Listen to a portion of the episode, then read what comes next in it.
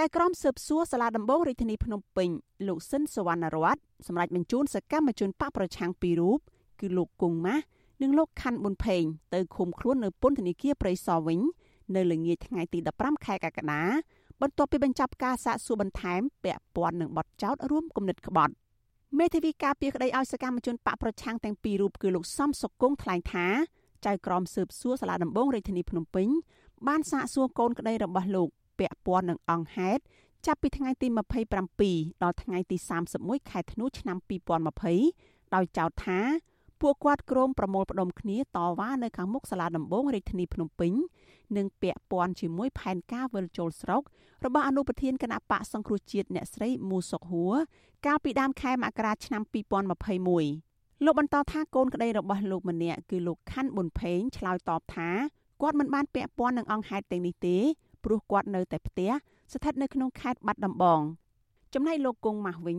លោកគ្រាន់តែប្រើប្រាស់សិទ្ធិនៅក្នុងនាមពលរដ្ឋដើម្បីទៅឃ្លាំមើលសវនកម្មសំណុំរឿងរួមគំនិតក្បត់ និងញុះញង់ដែលបានចោទប្រកាន់ថ្នាក់ដឹកនាំនិងសកម្មជនគណៈបកសង្គ្រោះជាតិកាលពីថ្ងៃទី29និងថ្ងៃទី30ខែធ្នូឆ្នាំ2020លោកសំសុគង្គបញ្ជាក់ថាក្រោយបញ្ចប់ការសាកសួរនោះកូនក្តីរបស់លោកទាំងពីរនាក់ស្នើសុំឲ្យតុលាការ ទម្លាក់ចោលបទចោទប្រកាន់និងដោះលែងពួកគាត់វិញព្រោះពួកគាត់មិនបានប្រព្រឹត្តអំពើល្មើសច្បាប់ដោយការចោទប្រកាន់ឡើយ។ ខ្ញុំយល់ឃើញថាចៅក្រមស៊ើបសួរគួរតែសម្រេចឲ្យកូនក្តីទាំងពីរនាក់ហ្នឹងបាននៅក្រៅឃុំជាបដោះអាសន្នដើម្បីឲ្យពួកគាត់ហ្នឹងមានសេរីភាពដោយកូនក្តីខ្ញុំបានឈ្មោះខាន់ប៊ុនភេងគាត់មានវ័យចំណាស់ហើយគាត់មានវ័យរហូតដល់ជិត70ឆ្នាំហើយហើយនឹងមានបញ្ហាសុខភាពទៀតផងហើយតកតទៅនឹងអង្គហេតុនោះគឺបើយើងមើលទៅมันមានអង្គហេតុណាដែលបង្ហាញថាគាត់ជាអ្នកពាក់ព័ន្ធទៅនឹងបទចោទប្រកាន់នោះទេហើយចំពោះលោកគង់ម៉ាស់វិញគាត់ធ្លាប់មានជំងឺប្រចាំកាយក៏ដូចជាគាត់ឲ្យមានសេរីភាពដើម្បីជួបជុំគ្រួសារដូចជារស់ស៊ីដើម្បីគុតគង់គ្រួសារផងដែរហើយខ្ញុំគិតថាការដែលគាត់ធ្វើកន្លងមកនេះគឺជាសកម្មភាពនៃការប្រើសិទ្ធិក្នុងនាមជាប្រវត្តិជាសិទ្ធិគឺសិទ្ធិក្នុងការទទួលព័ត៌មាននិងសិទ្ធិក្នុងការបញ្ចេញមតិដែរប៉ុណ្ណោះអញ្ញាធររបបក្រុងភ្នំពេញបានចាប់ខ្លួនលោកគង់ម៉ាស់នៅភ្នំពេញនិងចាប់ខ្លួនលោកខាន់ប៊ុនផេងនៅខេត្តបាត់ដំបងនៅក្នុងថ្ងៃតែមួយកាលពីថ្ងៃទី31ខែធ្នូឆ្នាំ2020ហើយបញ្ជូនទៅឃុំខ្លួន នៅពន្ធនាគារព្រៃសរក្រោមបទចោទរួមគំនិតក្បត់ លោកគង់ម៉ាស់ដែលបានជាប់ពន្ធនាគារ2ដងរួមទាំងលើកនេះផងគឺជាសមាជិកក្រុមការងារគណៈបកសង្គ្រោះជាតិប្រចាំនៅក្នុងខេត្តស្វាយរៀងចំណែកលោកខាន់ប៊ុនផេងគឺជាចៅសង្កាត់ជាប់ឆ្នោតរបស់គណៈបកសង្គ្រោះជាតិនៅសង្កាត់ព្រែកព្រះស្ដេចខេត្តបាត់ដំបង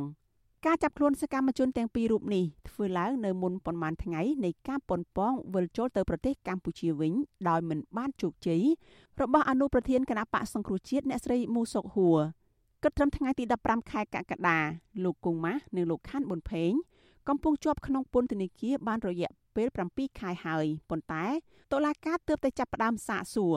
លោកសំសុគងយល់ថាការពន្យាពេលឃុំខ្លួនដោយយឺតយ៉ាវនៅក្នុងការស៊ើបសួរនិងបើកសវនកម្មកាត់ក្តីនេះគឺនាំឲ្យប៉ះពាល់ទៅដល់សិទ្ធិកូនក្តីរបស់លោកទាំងពីរនាក់កូនស្រីរបស់លោកខាន់ប៊ុនផេងគឺលោកស្រីនីមសុកញ្ញារៀបរាប់ថា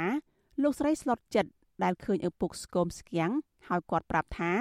គាត់បានឆ្លងជំងឺ Covid-19 នៅក្នុងពន្ធនាគារនិងមានកម្លាំងកាយទន់ខ្សោយរហូតមកដល់ពេលនេះព្រមទាំងត្រូវការថ្នាំពេទ្យជាប្រចាំលោកស្រីទៀមទីឲ្យតុលាការដោះលែងឪពុកនិងសកម្មជននយោបាយផ្សេងទៀតឲ្យមានសេរីភាពឡើងវិញព្រោះពួកគាត់គ្រាន់តែមិនព្រមចុះចូលជាមួយគណៈបកកាន់អំណាចគឺគ្មានគំនិតក្បត់ជាតិដោយការចោទប្រកាន់នោះទេ ទង្វើដែលគាត់ធ្វើហ្នឹងគឺការរួបរวมជាតិទាំងអស់ហ្នឹងធ្វើដើម្បីជាតិដូចគ្នាប៉ុន្តែមិនដឹងថាយ៉ាងម៉េចបានគេចោទគាត់ថាអញ្ចឹងណាហើយគេចោទហ្នឹងក៏ខ្ញុំទទួលយកមិនបានព្រោះខ្លះគាត់បានចោះចូលទៅគាត់លួចខ្លួនអញ្ចឹងណាចំណែកគាត់អត់ព្រមចូលប៉ុន្តែទោះបីថាគាត់អត់បានចោះចូលតែគាត់ក៏មិនបានធ្វើសកម្មភាពអីដែលធ្វើឲ្យថាប៉ះពាល់ដល់សង្គមឬក៏ប៉ះពាល់ដល់ក្បត់ជាតិគឺអត់មានទេទៅពេលគេមកចោទយើងអញ្ចឹងវាជារឿងមួយដែលយុត្តិធម៌សម្រាប់គាត់ហើយណាមួយគាត់ចាស់ទៀត តកតងករណីនេះនាយករងទទួលបន្ទុកផ្នែកឃ្លាំមើលសិទ្ធិមនុស្សនៃអង្គការលីកាដូលោកអំសំអាត មានប្រសាសន៍ថាការឃុំឃាំងសកម្មជនបកប្រឆាំងនៅក្នុងគុករយៈពេលយូរដោយមិនមានការកាត់ទោសគឺប៉ះពាល់ទៅដល់សិទ្ធិរបស់ពួកគាត់និងរំលោភទៅលើសិទ្ធិសញ្ញាអន្តរជាតិស្តីពីសិទ្ធិមនុស្សលោកយល់ថាករណីសកម្មជនបកប្រឆាំងនេះតុលាការគួរតែពន្លឿននីតិវិធីជំរះឲ្យបានឆាប់ដើម្បីកុំឲ្យប៉ះពាល់ទៅដល់សិទ្ធិរបស់ពួកគាត់ទោះជាយ៉ាងណា លោកនៅតែយល់ថាករណីចោតប្រកាន់ដែលមានចរិតនយោបាយបែបនេះគឺទាល់តែមានដំណោះស្រាយផ្នែកនយោបាយរវាងគណៈបកកាន់អំណាចនិងគណៈបកសង្គ្រោះជាតិទើបមានការដោះលែងសកម្មជនដែលកំពុងជាប់ឃុំឡើងវិញ។ ពីមនុស្សក្នុងស្រុកអង្គការអន្តរជាតិក៏ដូចសហគមន៍អន្តរជាតិរួមទាំងក្រមប្រឹក្សាសិទ្ធិមនុស្សអង្គការសហប្រជាជាតិគេម្ដែងការព្រួយបារម្ភហើយគេយល់ឃើញថាការចាប់និងការឃុំខ្លួនទៅលើអតីតសកម្មជនគណៈបកប្រឆាំងកន្លងមកហ្នឹងវាជាការធ្វើទុកបុកម្នេញផ្នែកនយោបាយចំពោះសកម្មជនទាំងអស់ហ្នឹងក៏ដូចជាសេរីភាពក្នុងការបញ្ចេញមតិណា គិតដល់ខែកក្កដាឆ្នាំ2021នេះតុលាការរបបលោកហ៊ុនសែនបានផ្តន្ទាទោសសមាជិកគណៈបកសង្គ្រោះជាតិយ៉ាងហោចណាស់20នាក់ហើយពីបទរួមគំនិតក្បត់គណៈសកម្មជនជាង100នាក់ផ្សេងទៀតកំពុងរងចាំសវនកម្មក្នុងនោះអ្នកខ្លះកំពុងជាប់ពន្ធនាគារក្រៅពីនេះអាជ្ញាធររបបក្រុងភ្នំពេញក៏បានចាប់អ្នកនយោបាយសកម្មជនសង្គមសកម្មជនបរិស្ថាន និងអ្នកការពារសិទ្ធិមនុស្សរាប់សិបនាក់ផ្សេងទៀត